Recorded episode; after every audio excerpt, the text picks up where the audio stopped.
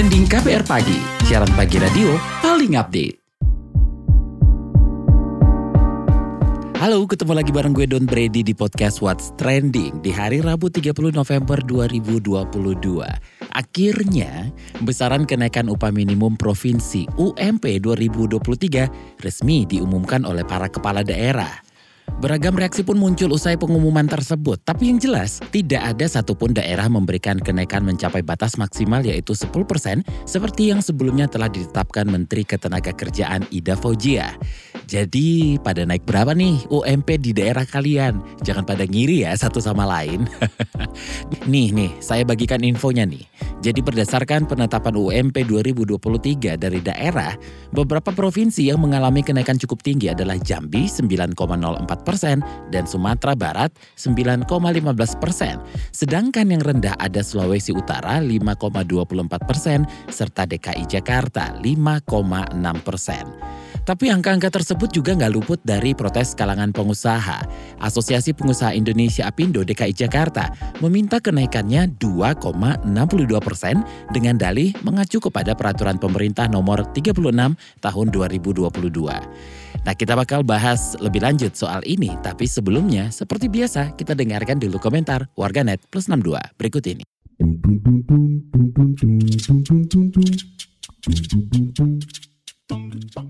Kita ke komentar at sulhaxx masih terlalu jauh Indonesia jadi negara maju kecuali kalau gajinya minimal kayak Singapura. Satu hari kerja setara 120 dolar atau sebulan minimal 3000 dolar. Masalahnya di Indonesia nggak ada pekerjaan dibayar satu jam 150 ribu rupiah.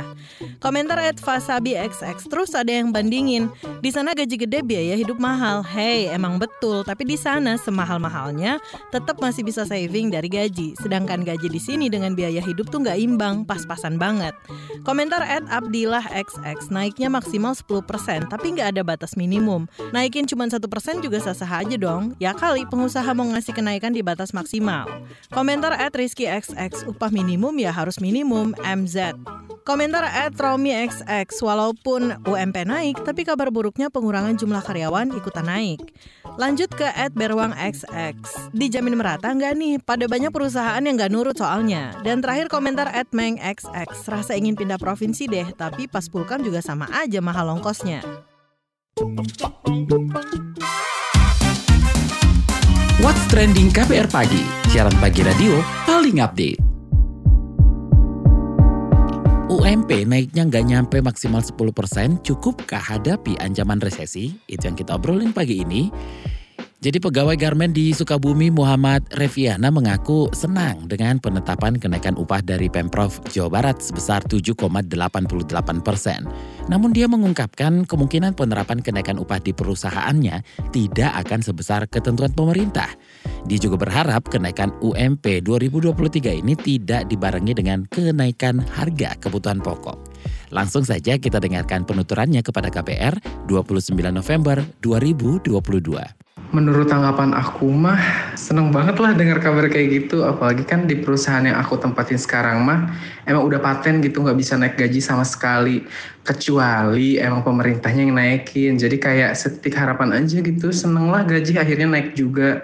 Tapi kan di perusahaan ini tetap aja walaupun udah ditetapin sama pemprov soal kenaikan UMK paling naiknya dikit gitu loh. Cuman kayak 44 ribu. Dan si uang ini tuh baru turun bulan Mei. Jadi dirapel dari Januari si uang 44 ribu itu tertekan sih iya pasti tapi karena biaya hidup di sini murah jadi ya biasa aja. Ya cuma emang kerasa aja segala harga pada naik. Harapannya dengan adanya kenaikan ini ya semoga keuangan dan kebutuhan sehari-hari lebih stabil sih. Dan udah stop gitu jadi ketika UMK udah naik tolong sembako BBM dan lain-lainnya juga jangan ikutan naik gitu saat orang-orang bersemangat nih dengan kenaikan UMP atau bahkan ada yang kecewa karena kenaikan UMP tidak sampai 10%, nah pegawai startup di Jakarta, Andika Ari Maulana, justru mengkhawatirkan kondisi keuangan tempatnya bekerja. Ia mencemaskan kenaikan 5,6% ini berpotensi menimbulkan gelombang pemutusan hubungan kerja atau PHK. Oke, Berikut penuturan pegawai startup di Jakarta, Andika Ari Maulana dengan kondisi startup bubble effect ya winter tech startup nih. Sebenarnya agak kaget juga kenaikannya agak lumayan tinggi sih 5,6 persen gitu. Soalnya ada di dua sisi lah ya. Kalau sisi employee mungkin lebih ya enak lah ya gajinya pasti naik gitu dari sisi inflasinya. Cuma kalau dari sisi manajemen pastinya akan rumit soalnya pas lagi winter pack gini kan lagi banyak yang di layoff, terus restructure organisasi, terus juga investor kan sekarang pengennya perusahaan itu profitable gitu bukan yang bakar uang. Nah kondisi kayak gini pastinya kan dari sisi perusahaan pasti akan lebih bengkak gitu dan kemungkinan besar malah agak lumayan curiga winter tech-nya nggak akan selesai sampai 2023 gitu.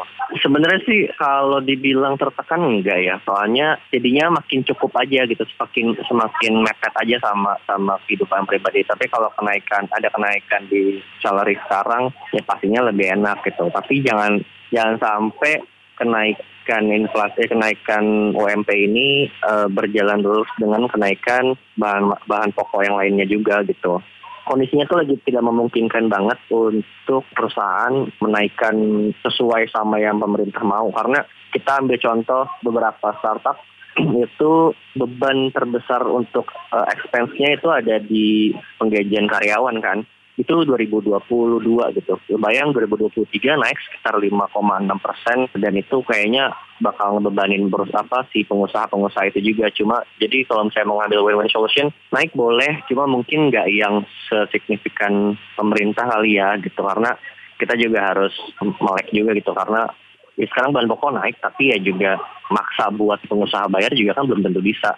Takutnya nanti banyak PHK semakin banyak lagi banyak lagi gitu karena dari kemarin kan uh, isunya karena itu sih gitu karena apa ya pengusahanya sudah mulai melek kalau beban biaya yang ditanggung itu banyaknya dari penggajian gitu.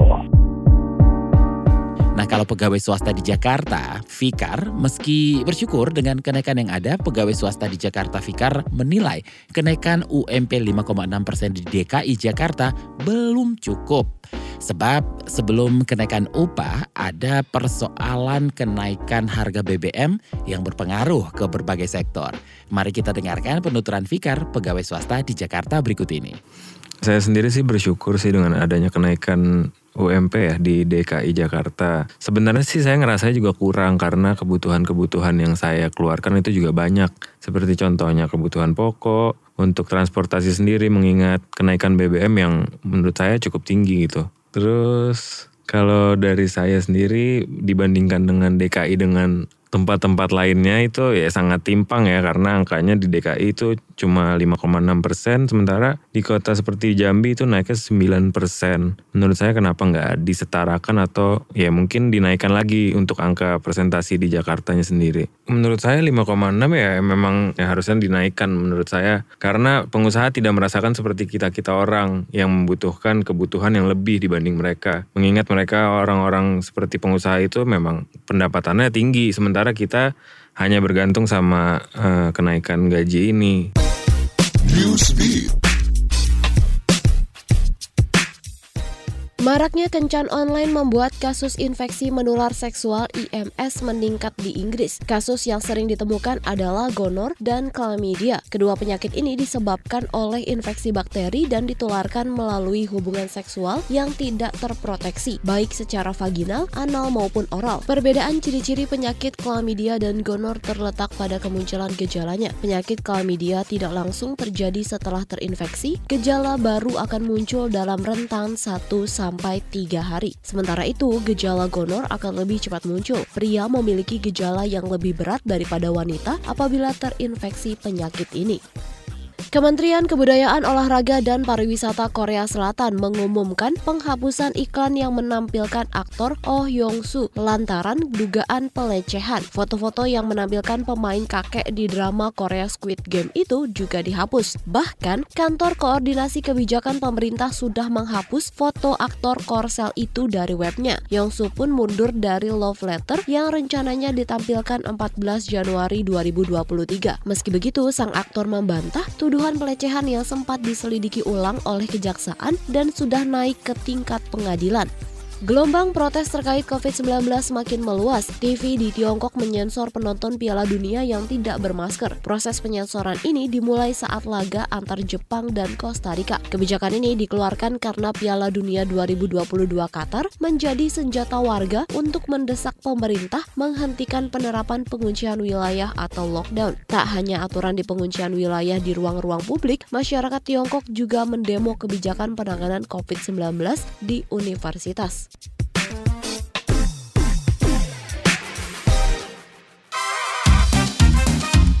What's Trending KPR Pagi, siaran pagi radio paling update. Masih bersama saya Don Brady, kita lanjutkan obrolan kita pagi ini. Jadi soal besaran kenaikan UMP ini kita akan obrolin bareng Direktur Institute for Development of Economics and Finance atau INDEF. Sudah bersama saya Tauhid Ahmad. Mas Tauhid, gimana nih Anda melihat angka kenaikan UMP 2023? Yang paling tinggi aja itu ada di Jambi 9,04 persen, sedangkan Jakarta 5,6 persen dan Sulawesi Utara 5,4 persen. Idealkah kenaikan ini? Nah, yang pertama kalau kita formulanya ya kan yang pertama inflasi sebagai faktor dominan ya. Yang kedua pertumbuhan ekonomi. Nah, eh, kalau pertumbuhan ekonomi sebagai tambahan dari eh, inflasi sendiri. Nah, di pertumbuhan ekonomi ada pengali alfanya kan 0,1 kali sama sampai kalau nggak lebih 0,3. Nah, ketika inflasinya 5 persen, ininya 5 persen, berarti 5 persen kali alfa antara 0,1 sampai 0,3. Jadi paling tinggi nanti 1,5 ditambah inflasi 5, berarti 6,5 persen. Nah, untuk daerah-daerah lain karena faktor penentunya ada inflasi, maka akan variasinya berbeda. Daerah yang inflasinya rendah, umumnya kenaikannya juga rendah karena filosofisnya yang dibangun adalah menjaga daya beli. Nah, inflasi sejalan dengan daya beli tadi itu. Kalau inflasi tinggi, kenaikannya tidak berkurang, maka otomatis daya beli masyarakat akan berkurang. Nah, itu yang kemudian diterjemahkan sebagai faktor penentu.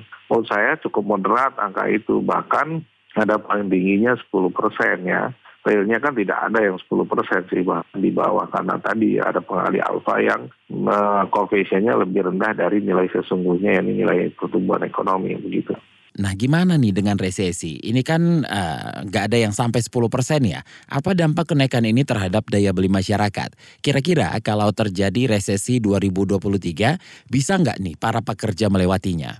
Saya kira kalau tahun depan sih kayaknya nggak resesi, hanya perlambatan gitu ya. Kalau resesi ya pertumbuhan ekonomi kita kan negatif gitu ya. Tetap positif tahun depan, cuma masalahnya lambat aja begitu. Yang dilihat seperti itu. Jadi kalau kita lihat perlambatan, jadi kalau resesi kan yang resesi dunia, kita enggak gitu ya. Kita pelambatan aja sedikit begitu. Turun tapi kan bukan resesi. Cuma jadi kalau kita lihat ya itu angka tersebut moderat karena tadi ya kita hanya akan mengalami perlambatan gitu. Kalau resesi memang nggak cukup gitu. Kalau resesi kita sampai negatif ya pastikan inflasinya menjadi lebih tinggi begitu. Masih cukup kuat lah begitu untuk mendongkrak daya beli. Dari kalangan pengusaha kan memprotes kenaikan nih Mas Tauhid nih. Mereka mintanya 2,62 persen. Gimana tanggapannya? Dengan angka itu adakah dampaknya? Ya jelas kalau dampaknya nggak ini ya ekonomi makin lambat karena tadi daya beli turun ya. Gimana naiknya 2,6 persen, barang-barang naiknya 5-6 persen tahun ini tahun depan begitu ya. Kan asumsinya pakai asumsi pertumbuhan inflasi tahun ini. Ya otomatis kalau dampaknya tadi ya memang pengusaha akan tetap untung gede begitu ya. Persoalannya kan masyarakat konsumsinya akan turun. Kalau konsumsi turun ya otomatis pengaruh ke mereka juga. Daya beli turun, daya beli turun. Orang yang mau beli barang juga semakin turun gitu. Jadi harus seimbang. 2,6 itu didasarkan atas perhitungan PP 36 tentang pengupahan begitu. PP ini yang kemudian jadikan dasar untuk para pelaku usaha menghitung begitu. Padahal PP ini adalah memang dianggap sudah tidak relevan lagi begitu. Masalahnya adalah harusnya ya PP ini direvisi dulu, baru keluar permenaker yang baru ini gitu. Logikanya PP-nya direvisi, baru keluar permenaker gitu ya. Nah ini yang memang pasti akan digugat karena tadi peraturan yang lebih rendah mengalahkan peraturan yang lebih tinggi begitu ya pasti akan harus disiapkan lah begitu harusnya revisi.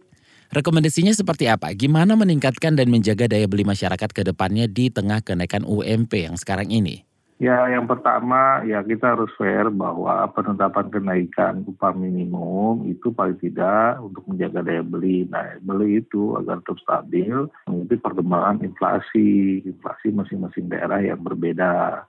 Agar tetap ada insentif orang semangat kerja dan sebagainya, maka diperlukan tadi insentif. Begini insentifnya ya tadi dengan pertumbuhan ekonomi bervariasi tentu kalau kewajibannya adalah daya beli inflasi, jadi semua diberlakukan. Nah, pertumbuhan ekonomi itu disesuaikan dengan kondisi masing-masing sektor, begitu ya. Nah, karena kan beda, ada sektor yang tumbuh tinggi, 7-9 persen itu kan ada telekomunikasi, logistik dan sebagainya. Ada yang tumbuhnya tapi ada yang kecil, misalnya sektor pertanian, pertambangan kan kecil, nah, tergantung industrinya. Nah itu yang kemudian bisa dijadikan dasar gitu. Kalau industri yang lagi kurang baik ya kenaikannya paling tidak setidaknya inflasi plus pertumbuhan ekonomi dari industri tersebut begitu. Jadi sesuaikan gitu. Terima kasih Direktur Institute for Development of Economics and Finance, INDEF, Tauhid Ahmad.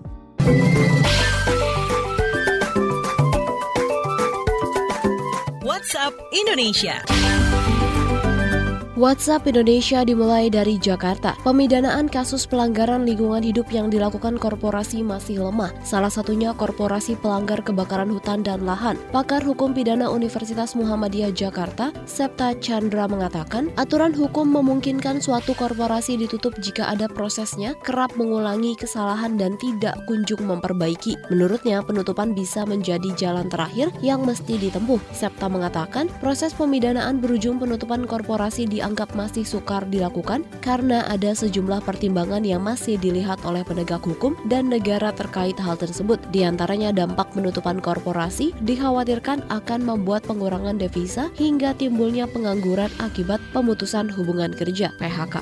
Masih dari Jakarta, Wakil Menteri Perdagangan Jerry Sambuaga menegaskan usaha mikro kecil dan menengah UMKM berperan penting menyelamatkan ekonomi bangsa hingga tetap tumbuh positif. Jika melihat data 2021 sebesar 61,07 persen dari total produk domestik bruto PDB, Indonesia berasal dari sektor UMKM. Wamendak Jerry melanjutkan, UMKM mampu menyerap 117 juta pekerja atau 97 persen dari total tenaga kerja yang ada. Pandemi COVID-19 dianggap memacu para pelaku usaha untuk ikut berubah terutama dari cara berjualan. Kondisi ini pada akhirnya mendorong pemanfaatan teknologi digital yang sangat tinggi oleh para pelaku usaha dalam operasionalisasi bisnisnya seperti pemasaran daring, cara pembayaran digital dan promosi daring melalui sosial media. Terakhir mampir Maluku, Menteri Pariwisata dan Ekonomi Kreatif Menparekraf Sandiaga Uno terpesona hingga menyebut Raja Ampat baru saat mengunjungi gugusan Pulau Talawe, Kabupaten Halmahera Selatan, Provinsi Maluku Utara. Saat melihat langsung wisata bawah laut, Sandi mengatakan pulau ini tidak kalah cantiknya dengan destinasi yang ada di Papua Barat. Sandi pun menceritakan pengalamannya berenang di gugusan Pulau Talawe yang menyajikan beraneka ragam biota laut. Ia juga mengatakan mengatakan Pulau Talawe sangat mengesankan karena menyuguhkan hamparan hutan hijau serta air laut berwarna biru dan jernih. Sandiaga mengatakan Halmahera Selatan tidak hanya memiliki gugusan Pulau Talawe sebagai destinasi wisata bawah lautnya. Masih banyak lagi destinasi wisata bawah laut di Halmahera Selatan yang bisa dieksplor dan dikembangkan sehingga bisa membangkitkan ekonomi untuk membuka lapangan kerja di Maluku. Demikian WhatsApp Indonesia hari ini.